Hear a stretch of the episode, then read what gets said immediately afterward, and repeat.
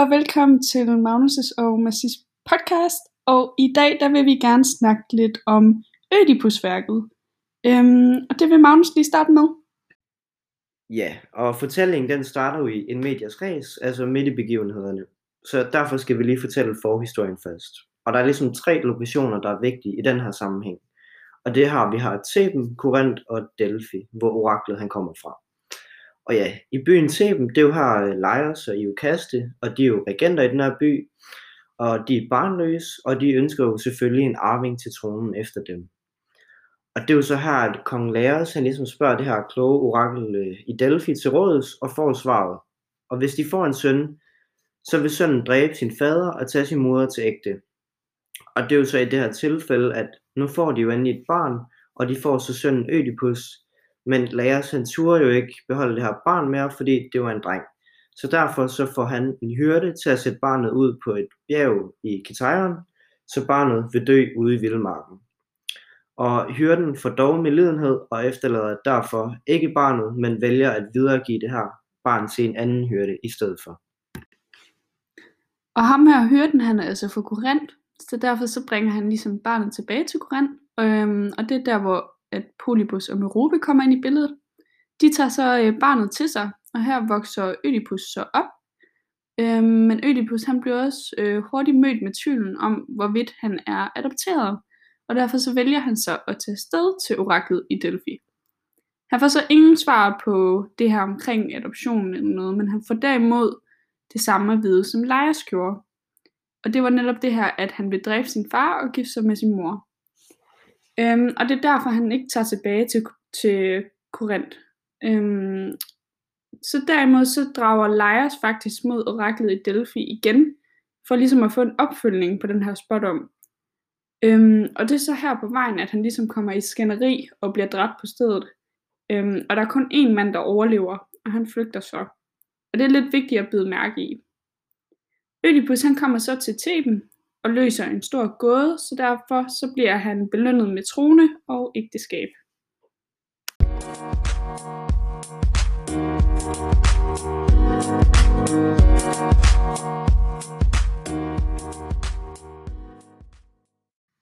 Ja, og nu vil vi så gå det her handlingsforløbet igennem. Ja, og til at starte med, så er der jo det her pest i Theben, og folket de er repræsenteret her ved en præst, der ligesom bønfaler Ødipus om hjælp. Og Ødipus han lover at hjælpe dem.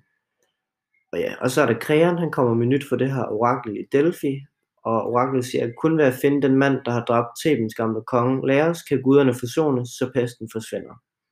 Så det skal jo ske. Så Ødipus han befaler sit folk om at sige sandheden, og han lover ligesom at straffe Laios' drabsmand med bortvisning og forbandelse.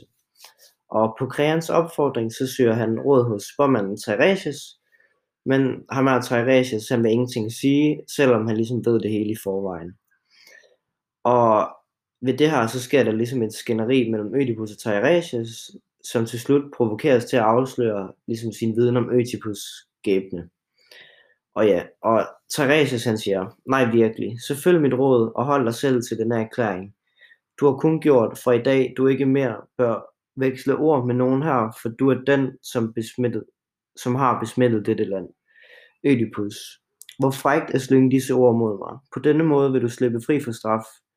Tiresias, ja, jeg gik fri. Hos sandhed har jeg hentet kraft.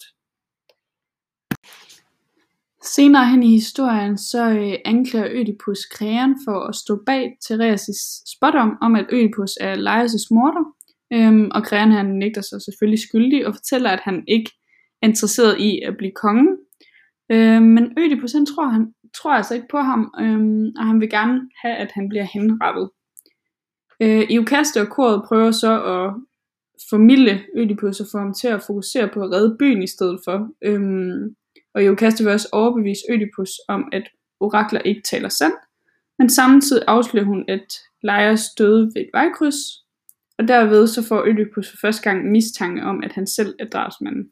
Så har vi lige taget et citat med fra Iokaste, hvor hun siger, hvor er det ynkeligt af jer at ybe kiv, I burde skamme jer. Vort land er ramt af pest, men I har ikke andet for en skænderi.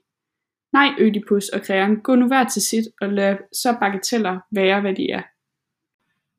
Yes. Og en budbringer han ankommer nu og rapporterer, at kongen af Korinth er død, og kongen af Korinth nu ønsker Ødipus som konge. Og det her, det beroliger jo ligesom Ødipus meget, fordi nu er hans far jo død, og han kan ikke slå ham ihjel mere, som spådommen sagde. Dog der er han jo stadigvæk bange for, at han vil komme til at gifte sig med sin mor, for hun er jo stadigvæk i live i Korinth. Og budbringeren han forklarer Ødipus, at Polybos og Merope slet ikke er hans biologiske forældre, men at han ligesom er blevet fundet på det her bjerg Kitairon. Og det er jo nu her, at Iokaste hun forstår sagens frygtelige sammenhæng, og hun prøver nu at stoppe Ødipus i at efterforske hans fortid, som han har godt gang i nu. Men det lykkes jo ikke, og det ender med, at hun løber fortvivlet ind i paladset, uden at fortælle Ødipus sandheden.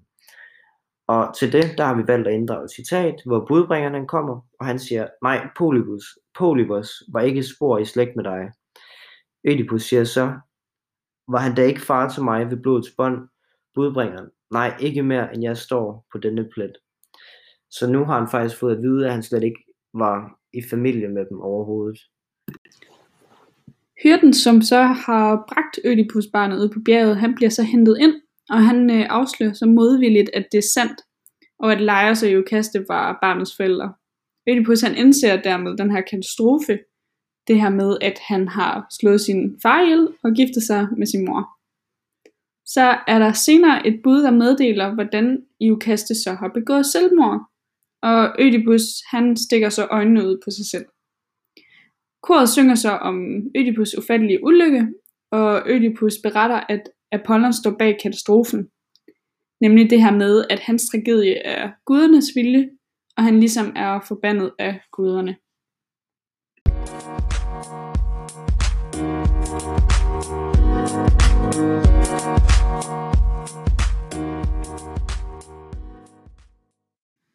Ja, og generelt her til sidst, så er det jo den her centrale pointe i den her tragedie, og det er ligesom, at man ikke kan flygte fra sin skæbne, og det bedste, det er jo simpelthen her at bøje sig for guderne og ligesom acceptere sin skæbne. Og på den måde kan det hele jo godt virke meget uretfærdigt i sidste ende. Selvom Ødipus han faktisk på nogle måder er en god mand, hvor han ligesom prøver at hjælpe sit folk og ønske det bedste for dem. Og hvis vi lige skulle tage det op som eksempel og sige, at hvad nu hvis, at, at Ødipus slet ikke har lavet nogen fejltrin i livet, så vil han højst sandsynligt nok også ende som ulykkelig, fordi at det er jo sådan, at når guderne har bestemt det, så er det bare sådan, det er. Og det var alt, som vi havde i vores podcast, ikke Magnus? Jo, det var det. Og... Tak fordi I gad at lytte med. Og så skal jeg lige gå ind og læse bogen, for den er faktisk ret god. Den er ret god. Ja. Så øh, Tak, tak for, for den gang.